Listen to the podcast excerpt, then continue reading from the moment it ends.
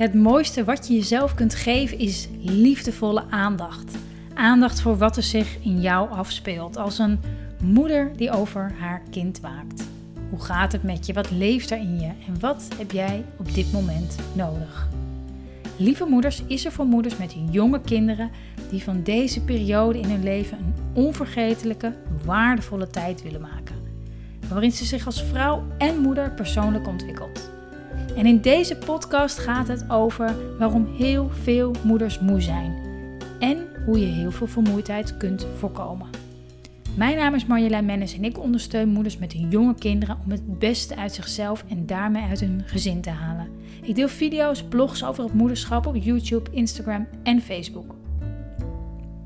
Ja, lieve moeder, wat ontzettend tof dat je luistert naar de 22e aflevering van de Lieve Moeder podcast. Ik waardeer, waardeer het echt enorm dat je elke keer weer de tijd neemt, de ruimte neemt voor jezelf om ja, deze podcast te luisteren. Jezelf daarmee steeds een beetje meer bewust te maken van ja, wat, wat voor jou belangrijk is. Ehm, hoe je je voelt, welke keuzes je maakt.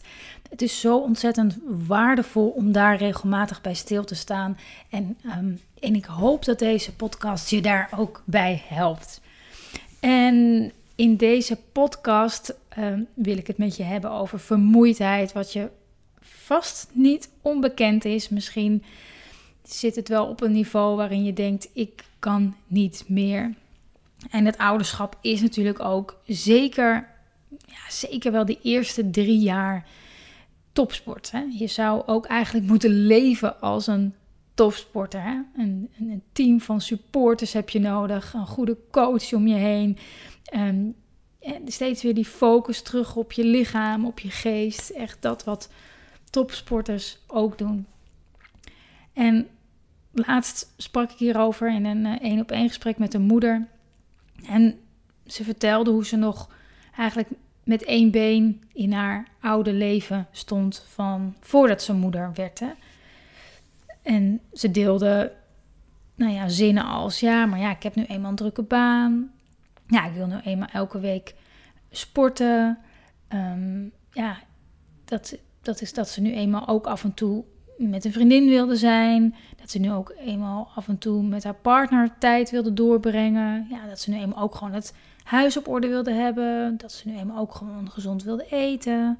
Dat ze nu eenmaal ook gewoon moest werken om haar huidige leven met haar partner te kunnen betalen en haar kinderen. En zo aan.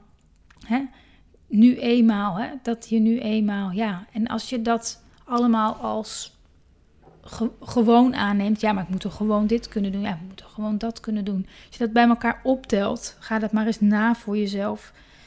Dan ben je als het, als het ware in, in, strijd met de werkelijkheid. Hè? En als dat zo is, dan ontstaat er vermoeidheid over de vermoeidheid nog heen. Hè? Strijd, weerstand voor hoe je je voelt, hoe het leven nu gaat, wat er mogelijkheden nu zijn. Als je daarin niet meeveert, als je daar niet in meegaat, dan ontstaat er weerstand. En dat zorgt nog eens extra voor vermoeidheid. Als je heel weinig slaapt, omdat je kindje je s'nachts vaak nodig heeft, ehm, dan is het goed om, daar heb ik een andere podcast ook over opgenomen, om je leven daarop aan te passen. En als je dat niet doet, kortom, als je in weerstand gaat met die vermoeidheid, hè, met, het, met het slaapgebrek, als je probeert daarin ook nog eens alles te doen, hè, dan ben je in strijd met hoe het eigenlijk is. Namelijk dat je in dit moment, op die dagen, weken, maanden, heel weinig slaap hebt, omdat je zorgt voor een klein mensenleven en je daardoor en je, en je niet aan wil passen aan, aan die staat van zijn, als het ware. En tuurlijk kan je dan zeggen, ja, maar ja, ik moet ook gewoon werken. Ja, maar ja, we moeten ook gewoon boodschappen doen. Ja, maar ja, ik wil ook gewoon af en toe nog eens iets anders kunnen doen. En als je dat bij elkaar optelt, dan, ja, dan, dan zie je dat dat niet gaat. En de vraag is ook, hoe, hoe erg is het om je om, dat eens bij jezelf te gaan onderzoeken. Hoe erg is het om je daar wel aan over te geven. Om daar eens helemaal in te duiken. Want wat, stel dat je je daar wel aan overgeeft, wat gebeurt er dan? Wat gebeurt er dan? Dan, dan ga, word je namelijk veel creatiever omdat je dan veel meer in het huidige moment zit en denkt: Oké, ik ben nu heel moe, bijvoorbeeld. Ik, ik, ik, heb heel weinig geslapen door welke reden dan ook. Ehm, dan kan je ook zeggen: Oké, dus ik heb wat hulp nodig op dat vlak. Oh, ik ga mijn buurman, buurvrouw vragen om even boodschappen voor me mee te nemen. Oh, weet je wat? Ik ga voortaan een schoonmaker de komende weken eh, vragen om mijn huis schoon te maken. Oh, weet je wat? Ik laat boodschappen bezorgen, want dat scheelt me heel veel energie. Oh, weet je wat? Ik ga ehm, even afspreken met mijn partner dat ik uh, op die en die dagen ehm, eh, apart slaap of wat voor creatieve slaapoplossing dan ook. Dan kan je, je wordt creatiever als je het serieus neemt. Zolang je in strijd bent, kan er, ja, kan er, kan er niks komen wat ervoor zorgt dat jij meer kunt ontspannen. Dus daarom is het zo belangrijk. Daarom werk ik daar veel aan met vrouwen om te kijken: hey, wat, wat nu als je hier helemaal aan overgeeft? Wat nu als het. Ehm, als, als, als dit het is, wat nu inderdaad als je je vriendinnen of je partner één op één eh, minder ziet. Hè? Wat als je je daaraan overgeeft? Wat, wat gebeurt er dan? Hè? Wat is, waar, waar ben je nu eigenlijk bang voor? Welke angst zit daaronder? En wat, wat als het je lukt? Wat als je op die momenten steeds vaker kiest voor liefde? En daar bedoel ik mee dus liefdevol voor jezelf blijven, mild zijn voor jezelf blijven. Want vanuit daar ontstaan, ontstaan er altijd weer creatieve ideeën, waardoor je veel vaker krijgt waardoor, wat, wat je wil. Waardoor je er veel meer van dat wat je naar verlangt, naar je toe komt. Daarom zo belangrijk om daarmee te oefenen. En soms lukt dat wel, soms lukt dat niet. Ik ben ook nog heel vaak in, in strijd met de werkelijkheid, hoe het is.